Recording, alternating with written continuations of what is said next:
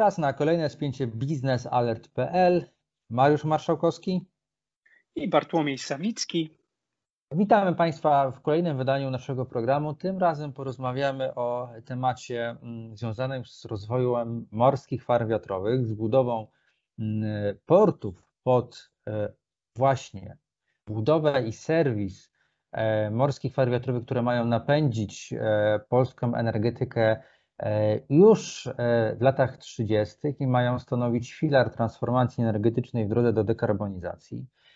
Oczywiście mowa o morskich farmach wiatrowych brzmi, można powiedzieć, nawet majestatycznie, ale jeśli sprowadzi się to do konkretów i do codziennej pracy, można powiedzieć, że niestety, jeśli chodzi o udział polskich firm w budowie morskich farm wiatrowych, będzie tutaj bardzo duży problem. No ale wyjdźmy może od początku, od y, portów.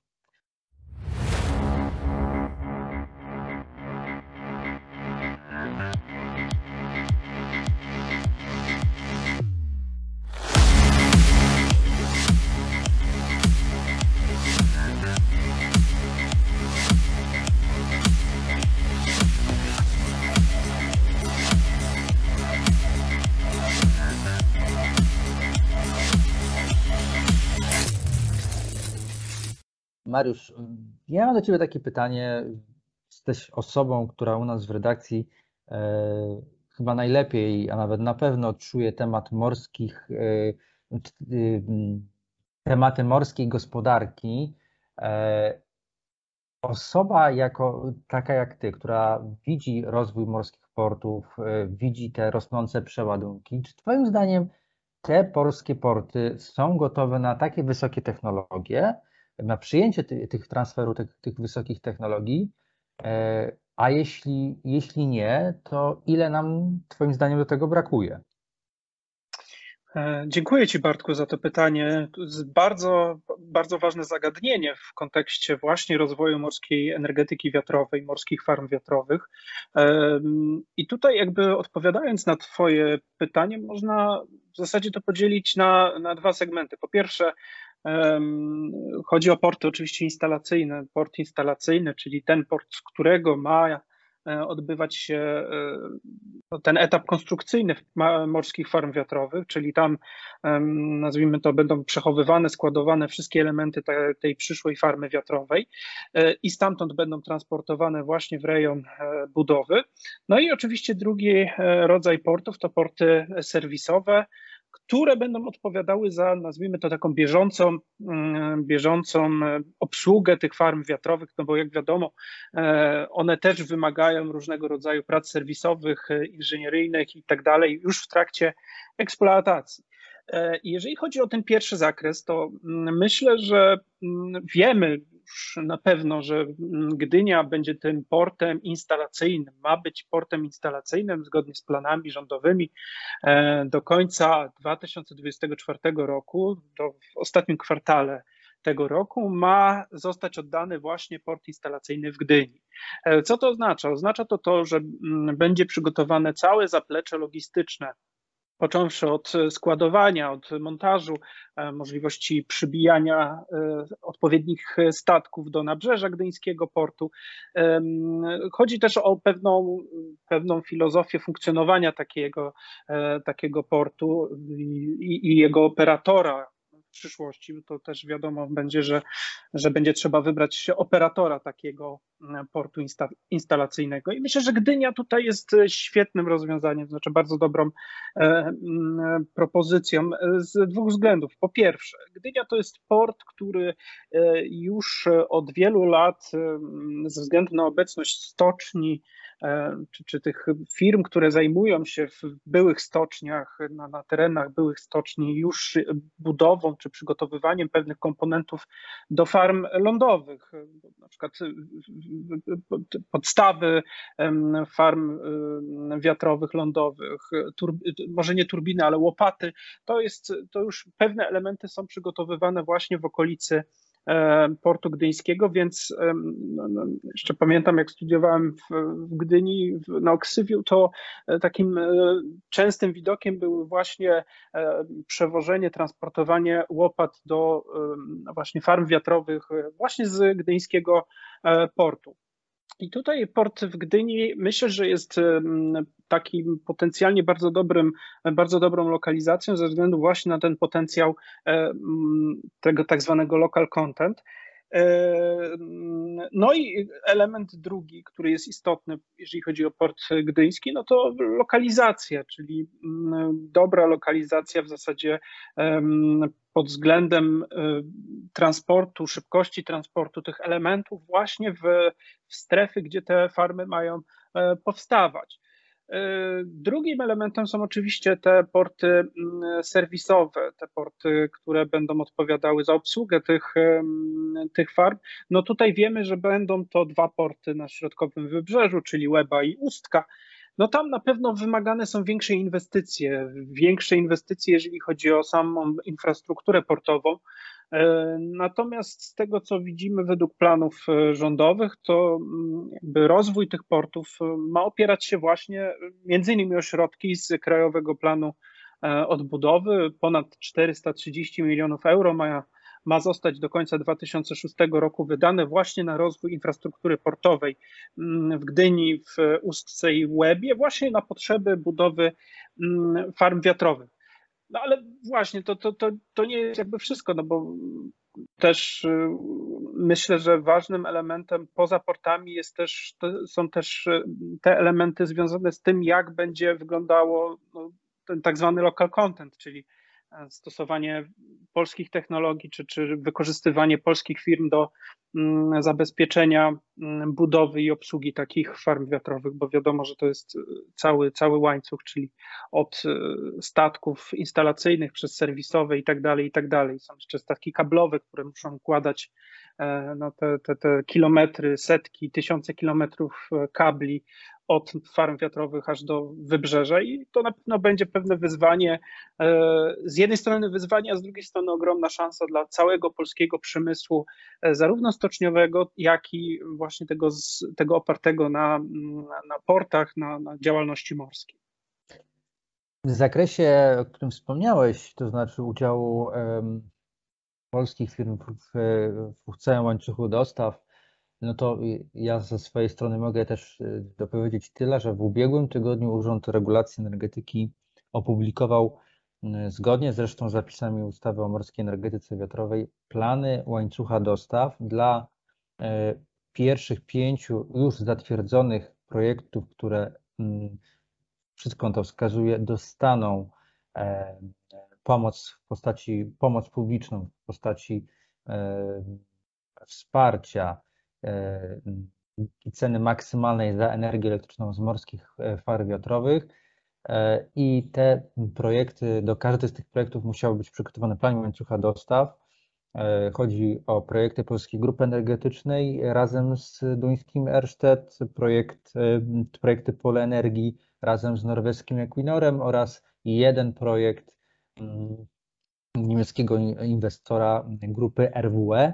E, jeśli chodzi o, o RWE i PGE, mm, te firmy mm, albo zasłaniają się tajemnicą przedsiębiorstwa, co też oczywiście może być e, zrozumiałe z punktu widzenia prowadzenia działalności biznesowej i jednak z małej liczby tych firm skupionych e, na Pomorzu i nie podają konkretnych liczb, mówią albo znaczący, albo istotny udział polskich firm w budowie i rozwoju morskich farm wiatrowych tych projektów, które one będą rozwijać.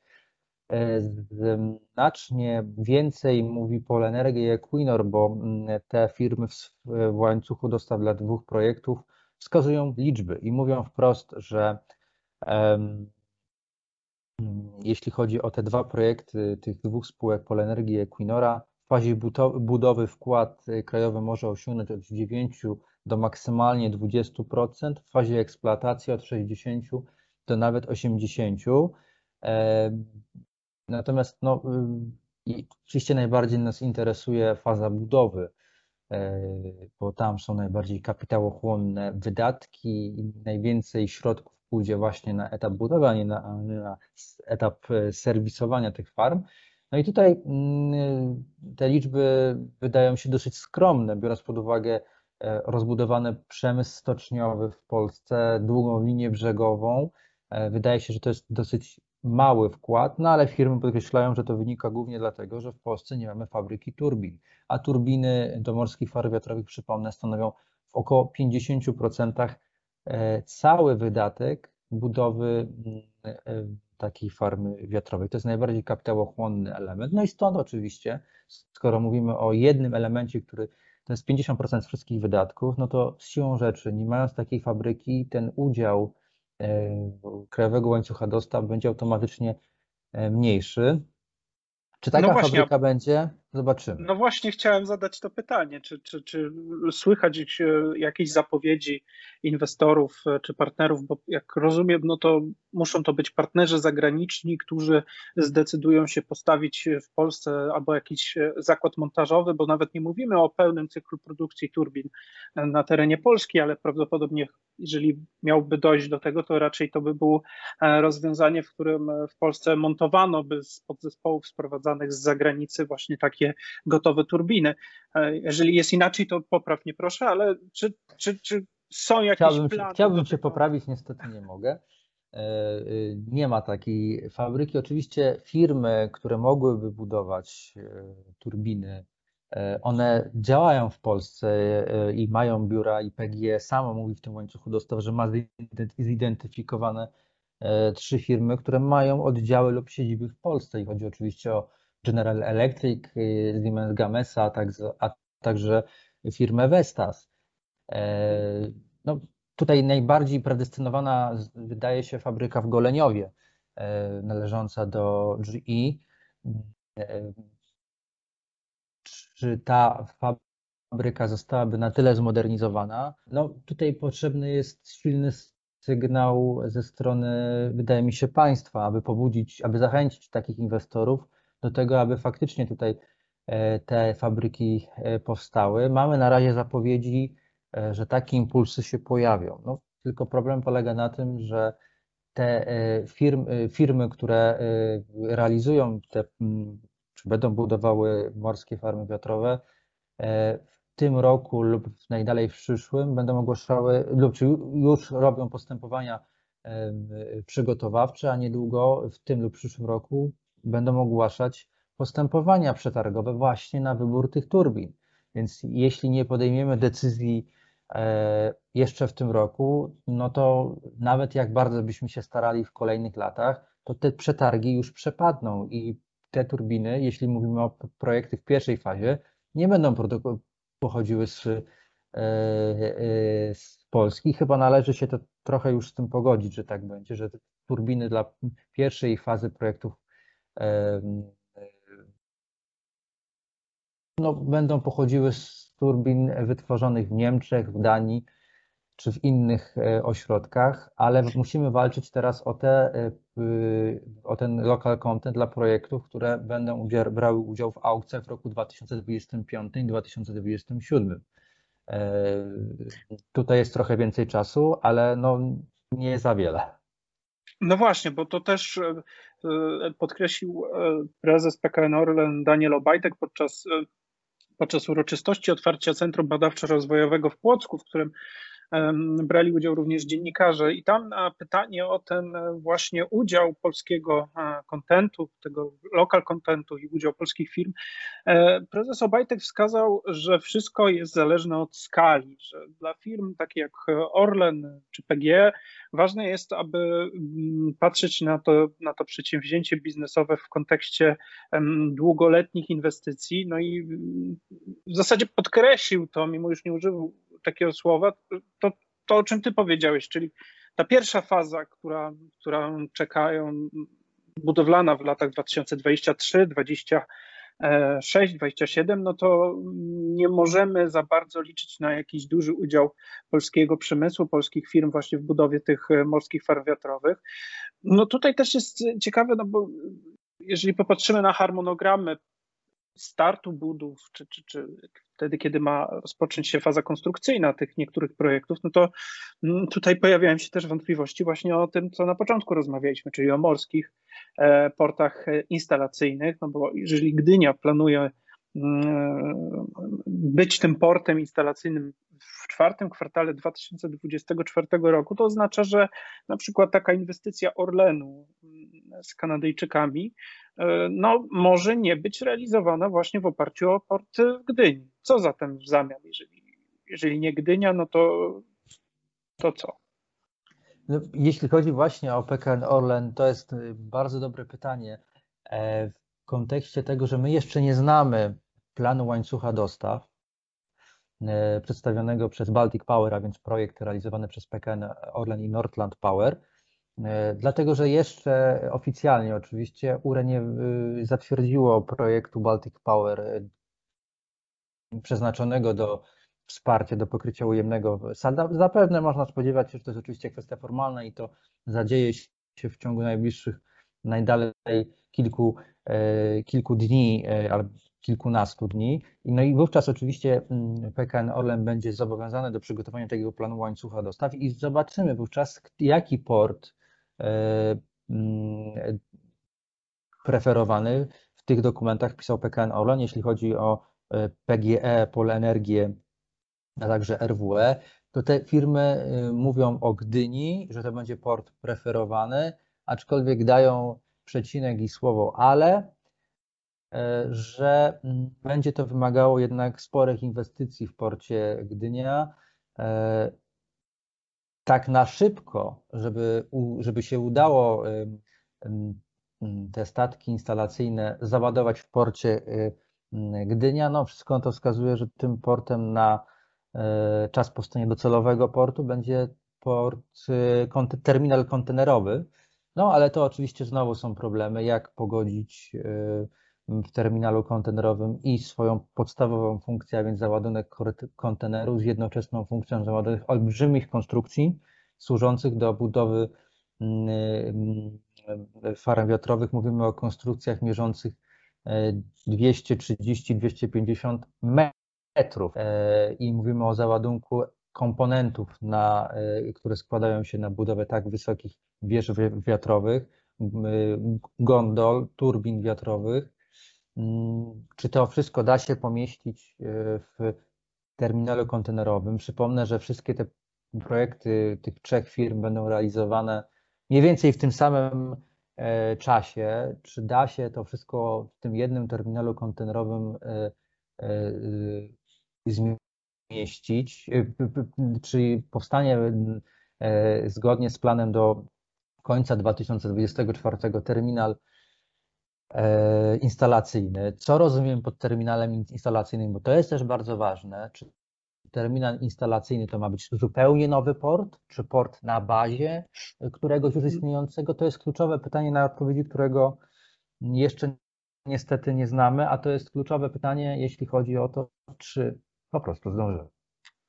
No właśnie, bo tutaj e, tak właśnie w celu dopowiedzenia, to trzeba pamiętać e, czy sugerując się tym, co mówią mm, władze portu w Gdyni, e, ale także to, co przedstawia strategia rozwoju portu w Gdyni e, do, e, do lat 2030, to mowa jest o powstaniu portu zewnętrznego, czyli czyli portu, który ma wyjść mm, jakby na wody Zatoki Gdańskiej i tam docelowo miałoby mm, znajdować się e, takie zaplecze o wielkości ponad 30 hektarów e, z możliwością powiększenia o kolejne 30 hektarów mm, właśnie na potrzeby portu instalacyjnego, no ale właśnie tu trzeba to podkreślić, to ale, że termin oddania tego portu, jego budowy ma, ma mieć miejsce w 2027 roku, a więc już po terminie instalacji kilku e, obecnie przygotowywanych projektów farm wiatrowych na Bałtyku, co samo przez się też e, jakby tłumaczy, czy, czy pokazuje, że no, to, o czym ty powiedziałeś, czyli o jakimś dostosowaniu ewentualnie portu terminala kontenerowego w Gdyni do roli takiego mm, quasi portu instalacyjnego może mieć miejsce. Pytanie, czy no, czy, czy, czy wszystko zgodnie, pójdzie zgodnie z planem również w kontekście budowy tego portu zewnętrznego. No ale to pewnie są już jakby dywagacje na, na, na, późniejszy czas. Może warto jeszcze podkreślić, że jeżeli nie Gdynia, jeżeli nie polskie porty, no to mamy kilka portów, przynajmniej dwa duże porty, które potencjalnie mogłyby przejąć tą rolę od polskich portów, czyli port w Mukran w Niemczech na Rugi, no i port w Rynę na Bornholmie. Są dwa porty, które już mają doświadczenie, z których już budowane są morskie farmy wiatrowe, zarówno e, w duńskich wodach w łącznej strefie ekonomicznej, jak i w, w, w wodach e, niemieckich. Mm, także tu jest e, taka alternatywa, której raczej my byśmy chyba nie chcieli. No to byłaby, można powiedzieć, wizerunkowa, nie chcę mówić porażka, bo to może zbyt duże słowo, ale mm, no, na pewno wszyscy, wszyscy chcą uniknąć tego scenariusza, aby te, te porty instalacyjne nie były w, gdzie indziej, aniżeli właśnie w, w Polsce. Jeśli nawet nie w Gdyni, oczywiście tak jak Mariusz słusznie wspomniał, z takiego, każdego punktu widzenia Gdynia jest najlepszą opcją niż Gdańsk, czy, e, czy choćby Świnoujście i Szczecin, bo i także o tych lokalizacjach E, w, niekiedy było mowa w kontekście portu instalacyjnego. Natomiast mimo wszystko wydaje mi się, że tymi portami y, instalacyjnymi, tak jak też powiedział Mariusz, ad, ad hoc będą porty w Polsce, ale też nie bójmy się też y, e, tego i przyjmijmy to do wiadomości, że porty w Renę, Mukran będą poddostawcami dla e, portu w Gdyni i to właśnie stamtąd będą szły e, transporty z mm, właśnie z turbinami, e, a dalej właśnie w porcie w Gdyni będą przeładowane już na statki instalacyjne. I też pamiętajmy, że te porty, o których wspomniał Mariusz, w większym czy mniejszym stopniu, ale także będą przynajmniej na początku partycypować w budowie morskich farm wiatrowych e, na Bałtyku. E, no ale jak to. No dokończ, proszę. To jest to oczywiście temat już na kolejny, na kolejny, na kolejny, na kolejne spięcie, które na pewno będziemy omawiać co do jakby konkurencyjności polskich portów względem portów niemieckich i duńskich.